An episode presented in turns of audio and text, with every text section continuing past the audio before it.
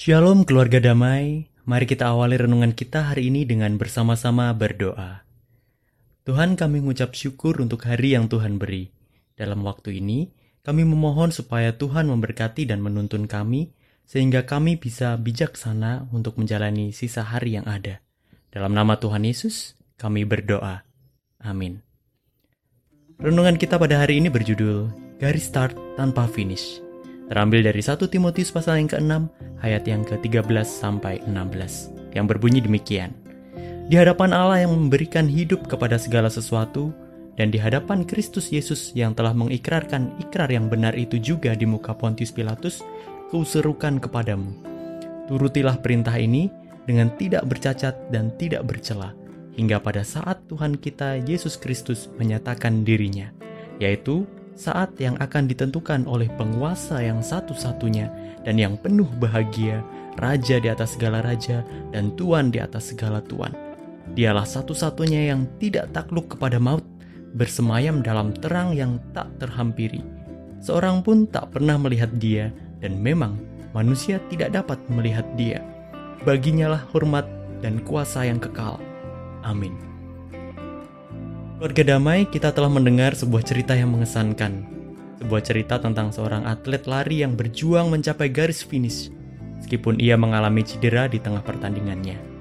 Ia bertekad kuat untuk bisa terus melaju di jalurnya dan menyentuh garis finish yang ia tahu ada di depannya. Dalam sebuah pertandingan adu cepat, tentu saja sudah sewajarnya para peserta diberitahu tentang dari mana ia harus mulai atau garis start dan di mana pertandingan akan selesai atau garis finish. Mengetahui start dan finish membantu atlet untuk bisa mengatur strategi. Misalnya, mengatur kapan ia harus berlari cepat atau menghemat tenaga dulu. Semua itu mungkin tergantung juga dari jarak start dan finishnya. Maka dari itu, informasi tentang garis start dan finish jadi sangat penting. Namun, bagaimana jika dalam sebuah pertandingan itu garis finish tidak pernah terlihat. Bagaimana jika kita masuk dalam sebuah pertandingan tanpa ada garis finish yang jelas? Dalam pertandingan iman, garis start bisa ditandai dengan jika seseorang menyatakan ikrar di hadapan banyak saksi. Kita melihat garis start itu misalnya ketika dengan sadar mengaku percaya di hadapan jemaat atau CD sebuah garis finish juga ditunjukkan oleh Rasul Paulus dalam suratnya, yaitu ketika Tuhan Yesus Kristus menyatakan dirinya kembali. Namun, di manakah garis finish itu? Kapankah itu? Rasul Paulus tidak memberi informasi apa pun kepada kita, selain mengatakan bahwa hanya Allah yang tahu kapan itu tiba. Barangkali kita bisa menambahkan juga sebuah garis finish yang lain, yaitu kematian. Ketika kematian tiba, kita sudah tidak dapat lagi melakukan apa-apa. Sudah selesai. Sudah mencapai garis finish. Itu yang biasa kita dengar. Namun, masalahnya, garis finish yang satu ini pun kita tidak tahu ada di mana dan kapan kita akan mencapainya. Orang dokter bisa saja memprediksi berapa lama seorang pasien akan bertahan hidup namun tentu tidak dengan waktu, tanggal, dan tempat kematian yang spesifik dan tepat. Jadi sangat menarik bagi saya membayangkan bagaimana jika semua orang tahu kapan ia akan mati. Barangkali orang-orang akan menghargai hidupnya. Mereka menjalani hidupnya sebagai orang yang saleh. Mereka mempersiapkan diri untuk menghadapi kematian dengan tenang. Tapi mungkin ada juga orang-orang yang justru menjadi kecewa ketika mengetahui tentang masa hidupnya yang singkat. Lalu mereka mulai mempertanyakan tentang keadilan. Mengapa hidupku cuma singkat? Sedangkan mereka... Hmm, mungkin orang-orang akan menjalani hidupnya juga dengan bersenang-senang tanpa peduli orang lain. Nanti waktu mendekati hari kematian, baru bertobat. Mungkin juga di KTP kita tidak hanya ada tanggal lahir, tapi tertulis juga di sana tanggal kematian. Nah, mungkin itu juga bisa berguna. Misalnya, ketika ada kecelakaan, orang-orang akan datang dan terlebih dahulu melihat KTP korban. Kemudian, tidak perlu buru-buru membawa korban ke rumah sakit setelah mengetahui bahwa ternyata hari itu bukanlah hari kematiannya. Nah, masih banyak kemungkinan lain kalau dilanjutkan.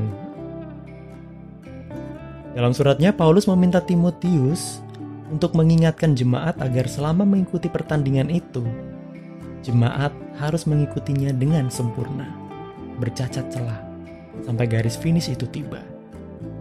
Ini menjadi penekanan yang kuat dari Rasul Paulus, karena rupanya pertandingan yang ada tidak hanya ada satu, tidak hanya ada pertandingan iman, tapi ada juga pertandingan untuk menjadi kaya. Masalah tentang kekayaan ini disinggung Rasul Paulus pada pasal yang ke-6. Nampaknya ada perhatian jemaat terhadap keuntungan, bahkan keuntungan dari ibadah. Efesus memanglah kota dengan sebuah kuil Dewi Artemis yang besar dan megah serta terkenal. Efesus memiliki pelabuhan yang besar. Lokasinya yang berada di lembah membuatnya memiliki iklim dan kesuburan yang baik juga. Kota itu sangat memikat dan ramai dengan aktivitas perdagangan maupun kunjungan para peziarah. Beradaan kuil itu membuat ibadah dan putaran ekonomi saling berkaitan Tentu saja ada keuntungan yang bisa didapat dari ramainya para peziarah. Kita masih mengingat dengan kejadian di sekitar bait ketika Tuhan Yesus mengunjunginya dan memprotes aktivitas orang-orang yang mencari keuntungan di sana. Jadi dalam pertandingan hidup ini, ada jalur pertandingan yang kita ikuti. Namun, bisa ada percabangan di tengah jalannya, yang mana seseorang bisa beralih dari jalur pertandingan yang satu ke jalur pertandingan yang lain. Dalam hal ini, misalnya, dari jalur pertandingan iman ke jalur pertandingan untuk menjadi kaya. Nah, tiap pertandingan itu memiliki hadiahnya masing-masing. Pertandingan menjadi orang kaya memberikan kekayaan dan kuasa.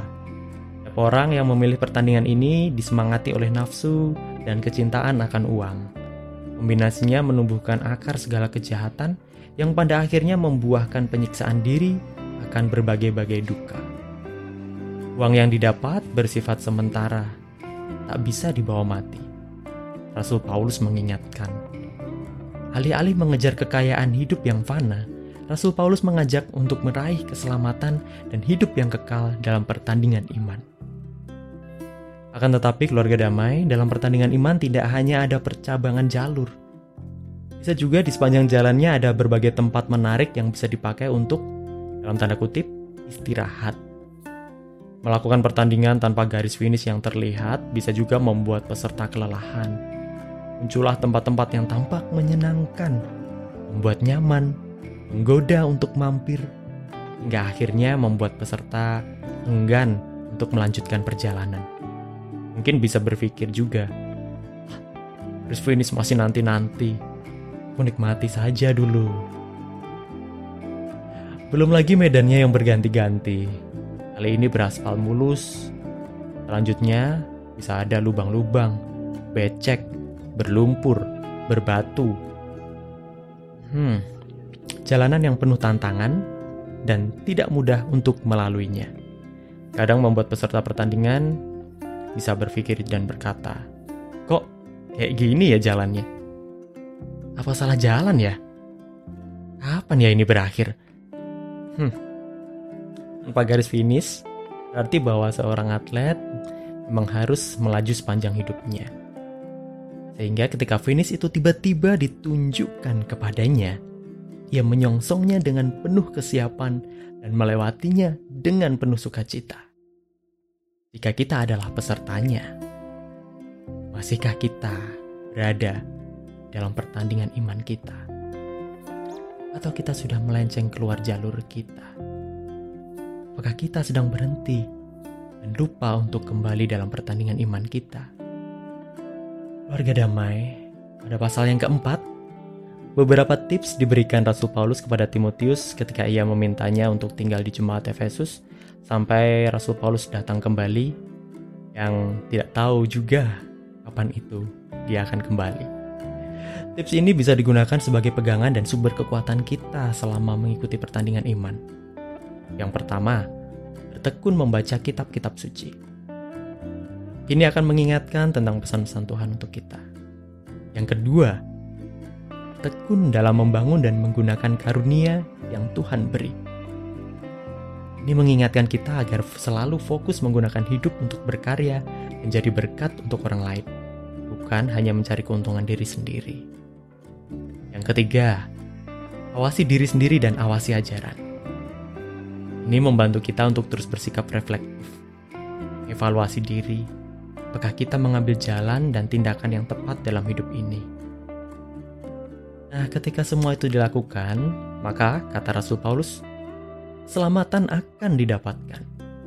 Dan hanya itu, bonusnya, orang-orang yang berinteraksi dengan kita bisa juga diselamatkan. Keluarga damai gak bisa berjuang bersama-sama. Mengapa harus sendiri? Mari, bergandengan tangan, saling mendukung, bersama-sama kita menyongsong hidup kekal bersama Tuhan Yesus. Kita berdoa. Tuhan kami bersyukur atas perkenanan Tuhan, sehingga kami bisa ada sebagaimana kami ada. Dalam pertandingan iman yang kami ikuti, biarlah Tuhan yang terus memandu kami.